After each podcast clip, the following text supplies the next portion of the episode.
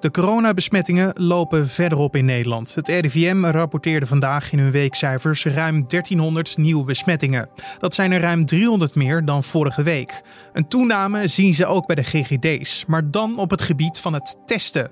Lukt het de GGD om iedereen zo snel mogelijk te helpen aan een coronatest? We gaan het erover hebben. Dit wordt het nieuws. Wat we dus zien is dat als je iedere dag 30 tot 40 procent meer mensen bellen dan er plaats is, dan kun je wel gaan bijschalen. Maar die 30% die je op dag 2 kwijt, uh, kwijt, moet, zorgt ervoor dat er voor degene die op dag 2 bellen nog maar 70% over is. Dus zo zie je als het ware dat er een soort bulldozer effect is. En het duurt even voordat je dat uh, glad hebt uh, gereden. Dat was GGD-directeur Sjaak de Gouw. Met hem gaan we straks uitgebreid praten over de drukte bij de testlocaties, over het weer opschalen van de capaciteit en waar ze nu tegenaan lopen. Maar eerst kijken we kort naar het belangrijkste nieuws van nu.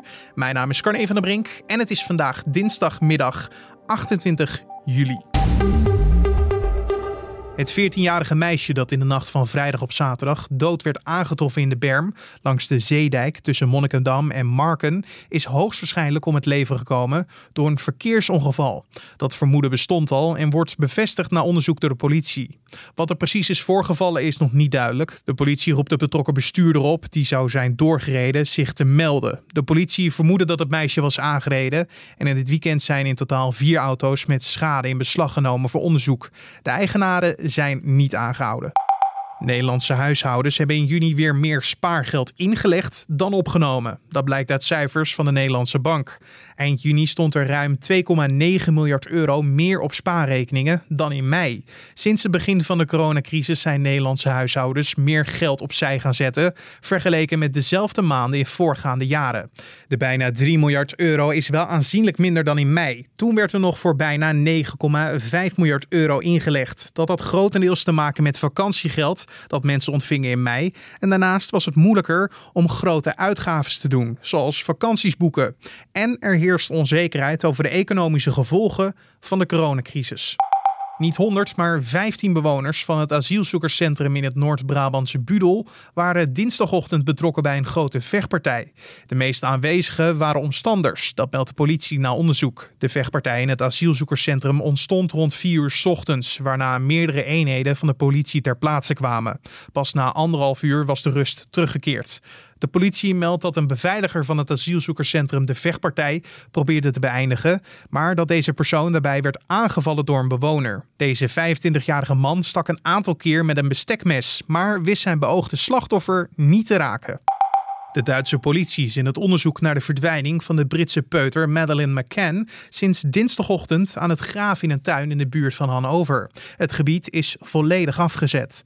Op vragen of er specifiek naar het lichaam van het meisje of andere bewijsmiddelen wordt gezocht, wordt geen antwoord op gegeven.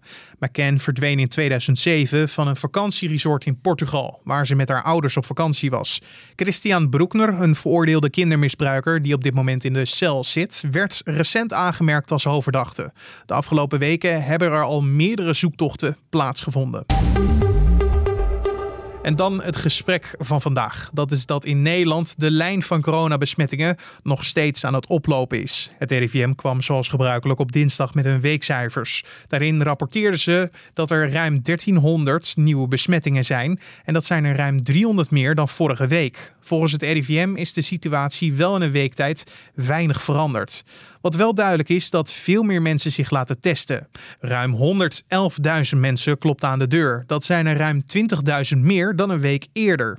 De koepelorganisatie GGD Goor Nederland kwam deze week ook al met het bericht dat de GGD's de drukste week voor coronatest tot nu toe achter de rug heeft. Deze toename zorgde ervoor dat sommige GGD's moesten opschalen. Waarom laten we ons nu massaal testen? Dat vroeg ik aan GGD-directeur Sjaak de Gouw. Dat we, we hebben er geen wetenschappelijk onderzoek naar gedaan, maar wat we terug horen uh, bij degenen die uh, zich melden bij de teststraat zijn eigenlijk drie redenen. Een deel van de mensen die is geschrokken van hoe snel het virus zich in, de, in het buitenland verspreidt.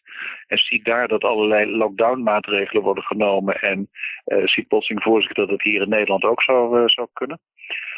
ten tweede de publiciteit rond de uitbraken. waardoor mensen uh, zich realiseren, het kan ook in Nederland heel snel gaan. En het kan ook op plaatsen gaan waarbij eigenlijk niet vanuit gingen dat er zou kunnen, dus met name in, bij familiebijeenkomsten.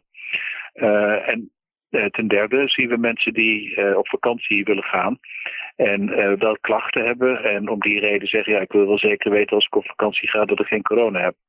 Dat zijn de drie maatregelen, of tenminste drie argumenten die meeste voorkomen. Maar lukt het wel om aan de hoeveelheid vragen naar tests te voldoen? Uh, we waren in het uh, begin 1 juni uh, opgeschaald voor 24.000 testen. Dus daar zitten we nu bijna aan.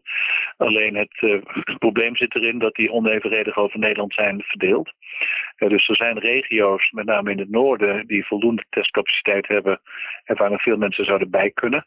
Maar in het zuiden zie je dat er relatief veel wordt uh, getest. En ja, het, het, midden zit er tussenin, zou ik maar zeggen. Uh, dus dat betekent dat er negen regio's zijn waar duidelijk de testcapaciteit uh, tekort schiet. Schoot afgelopen weken. En dat zijn negen regio's die nu aan het opschalen zijn. Alleen ja, dat kost enige tijd. We zitten in de vakantie. We hadden veel jeugdverpleegkundigen en jeugdartsen die nu ook weer aan het werk moeten. En die nu heel even van wel verdiende vakantie genieten. Uh, dus het gaat er met name over, kunnen we voldoende uitzendkrachten, studenten, uh, ex-medewerkers en dergelijke krijgen om de teststraten nu te gaan bemensen. Maar ligt dat dan echt aan personeel wat weer teruggehaald of opnieuw geworven moet worden? Of dat er weer een schaarste ontstaat voor het materiaal wat jullie gebruiken? Uh, nee, wij hebben aan onze kant uh, voldoende materialen. Dan heb ik het dus over de teststokjes uh, en dergelijke. We hoorden wel dat laboratoria, die hadden natuurlijk ook hun voorraden en hun personeel ingezet en geroosterd volgens de, de, de, aantallen van de afgelopen weken. En die worden nu wel ook geconfronteerd met extra aantallen. Dus dat zal per laboratorium verschillen hoe ze daarmee om kunnen gaan. Maar we horen soms wel uh, dat er wat extra moet worden bijgesteld en dat het weer een dagje gaat duren. Ja, maar stel ik word wakker met een loopneus en een, en een zere keel en ik wil me graag laten testen. Hoe snel uh, zouden jullie mij dan kunnen ontvangen? Uh, ja, nou, het hangt een klein beetje vanaf welke regio. als u in, in, in, in Overijssel, Friesland, Groningen zou wonen, dan kan het dezelfde dag. in Brabant is het de dag daarna. dus dan, dan gaat er een dag overheen. Uh, dat proberen te voorkomen. Dat is ook de reden dat we nu uh, opschalen. Maar wat we dus zien is dat als je iedere dag 30 tot 40 procent meer mensen bellen dan er plaats is, dan kun je wel gaan bijschalen. Maar die 30% die je op dag 2 kwijt, uh, kwijt moet, zorgt ervoor dat er voor degene die op dag 2 bellen nog maar 70% over is. Dus zo zie je als het ware dat er een soort bulldozer effect is. En het duurt even voordat je dat uh, glad hebt uh, gereden. Maar als het gaat om de toename van het aantal testen, um, hadden jullie dat verwacht? Of waren jullie ook wel verbaasd over dat het nu zo'n vlucht heeft genomen? We weten dat de maatregelen die we hebben genomen tussen maart en juni, die hebben een effect gehad. En dus we weten ook per definitie, als je die maatregelen afschaalt, dus weer uh, de versoepelingen doorvoert, dat je dan ook meer testen krijgt. Dan zijn er twee soorten. Uh, gewoon één op één, dus dat je af en toe mensen ziet waarbij je denkt van nou het loopt langzaam op. Uh, dat hadden we volledig voorzien en daar waren we ook klaar voor. En dat zagen we eigenlijk ook vanaf 1 juni, dat het iedere week een klein beetje opliep. Alleen per 1 juli toen de maatregelen nog verder werden versoepeld. Nu zien we plotseling vanaf 7 juli dat het door middel van uitbraken oploopt. En dat zijn dus situaties waarin mensen weer genieten uh, van de mogelijkheden die er zijn. Uh, maar dan toch vaak in familieverband, in kroegen, uh, toch te dicht bij elkaar zijn, te lang bij elkaar zijn. althans voor het coronavirus. En daardoor zien we nu heel veel uitbraken, meer dan 100 al. En uh, die uitbraken veelal in familieverband. Dat kunnen barbecues buiten zijn, maar ook verjaardagsfeestjes die binnen worden gevierd, die uitgestelde. En uh, daar zien we nu heel veel besmettingen van. En dat gaat sneller dan we hadden gedacht. Maar als het gaat om het opschalen, wat dus nu weer heeft plaats moeten vinden, loop je dan niet altijd achter op de situatie? Ja, daar moet je toch gemiddeld drie of vier dagen voor rekenen. Want het gaat over de locatie, het gaat over de mensen, het gaat over de materialen. En het gaat erover dat als je dat eenmaal hebt geregeld, dat dan vervolgens uh, die extra mogelijkheden ook in de landelijke agenda terecht moeten komen. die wordt één keer per dag geüpdate, uh, zodat ook de medewerkers in het landelijke callcentrum die capaciteit kunnen gaan gebruiken. Daar hebben we wat dagen voor nodig. En dat betekent dat je er uh, in principe altijd iets achteraan loopt. We gaan ons wel voorbereiden op veel grotere aantallen in het najaar. En daar lagen de plannen waar we dan nu voor het maken. Dus we hebben die plannen ook een stukje naar voren moeten schuiven. Ja, want hoe zien die plannen er dan ongeveer uit? Kunt u die delen met ons? Ja, de, de, plannen zijn dat wij in het najaar 70.000 testen per dag uh, moeten doen. Dat zijn er dus veel en veel meer dan, uh, dan nu. Uh, daar zijn we ook voor gesteld. maar dat betekent dat we op veel meer plaatsen gaan testen. Want dat kunnen we niet alleen doen met de testraten die we nu hebben. Dus het zal fijnmaziger worden, het testen. en het wordt gewoon heel veel meer. En dat betekent dat de, de werving van medewerkers die daarvoor nodig is, die loopt nu. Dat gaat vooral over studenten, dat gaat over uitzendkrachten, dat gaat over oud-medewerkers die we terugvragen. Dus die plannen waren we aan het maken. Uh, met veel meer testraten dan, dan nu. Of met testmogelijkheden dan nu. Ook dichter in de buurt bij mensen. Uh, maar goed, dat betekent dat je ook panden moet huren. Je moet afspraken maken met laboratoria, met uitzendbureaus. Dat waren we nu aan het doen. Daarvoor gebruikten we de zomer. En dat proberen we nu een beetje naar voren te trekken. Want dan nog even over de capaciteit van nu. Kan het systeem het nog aan of lopen we al tegen de randjes op? Nee, we zien wel dat we, dat we het aan kunnen. Uh, wat we soms doen als mensen echt per se dezelfde dag nog willen, is kijken of ze in een andere provincie terecht uh, uh, kunnen komen. Maar dat willen we eigenlijk wel voorkomen. dus ja, de, de, de, regio's waar het speelt zijn bezig met, met opschalen.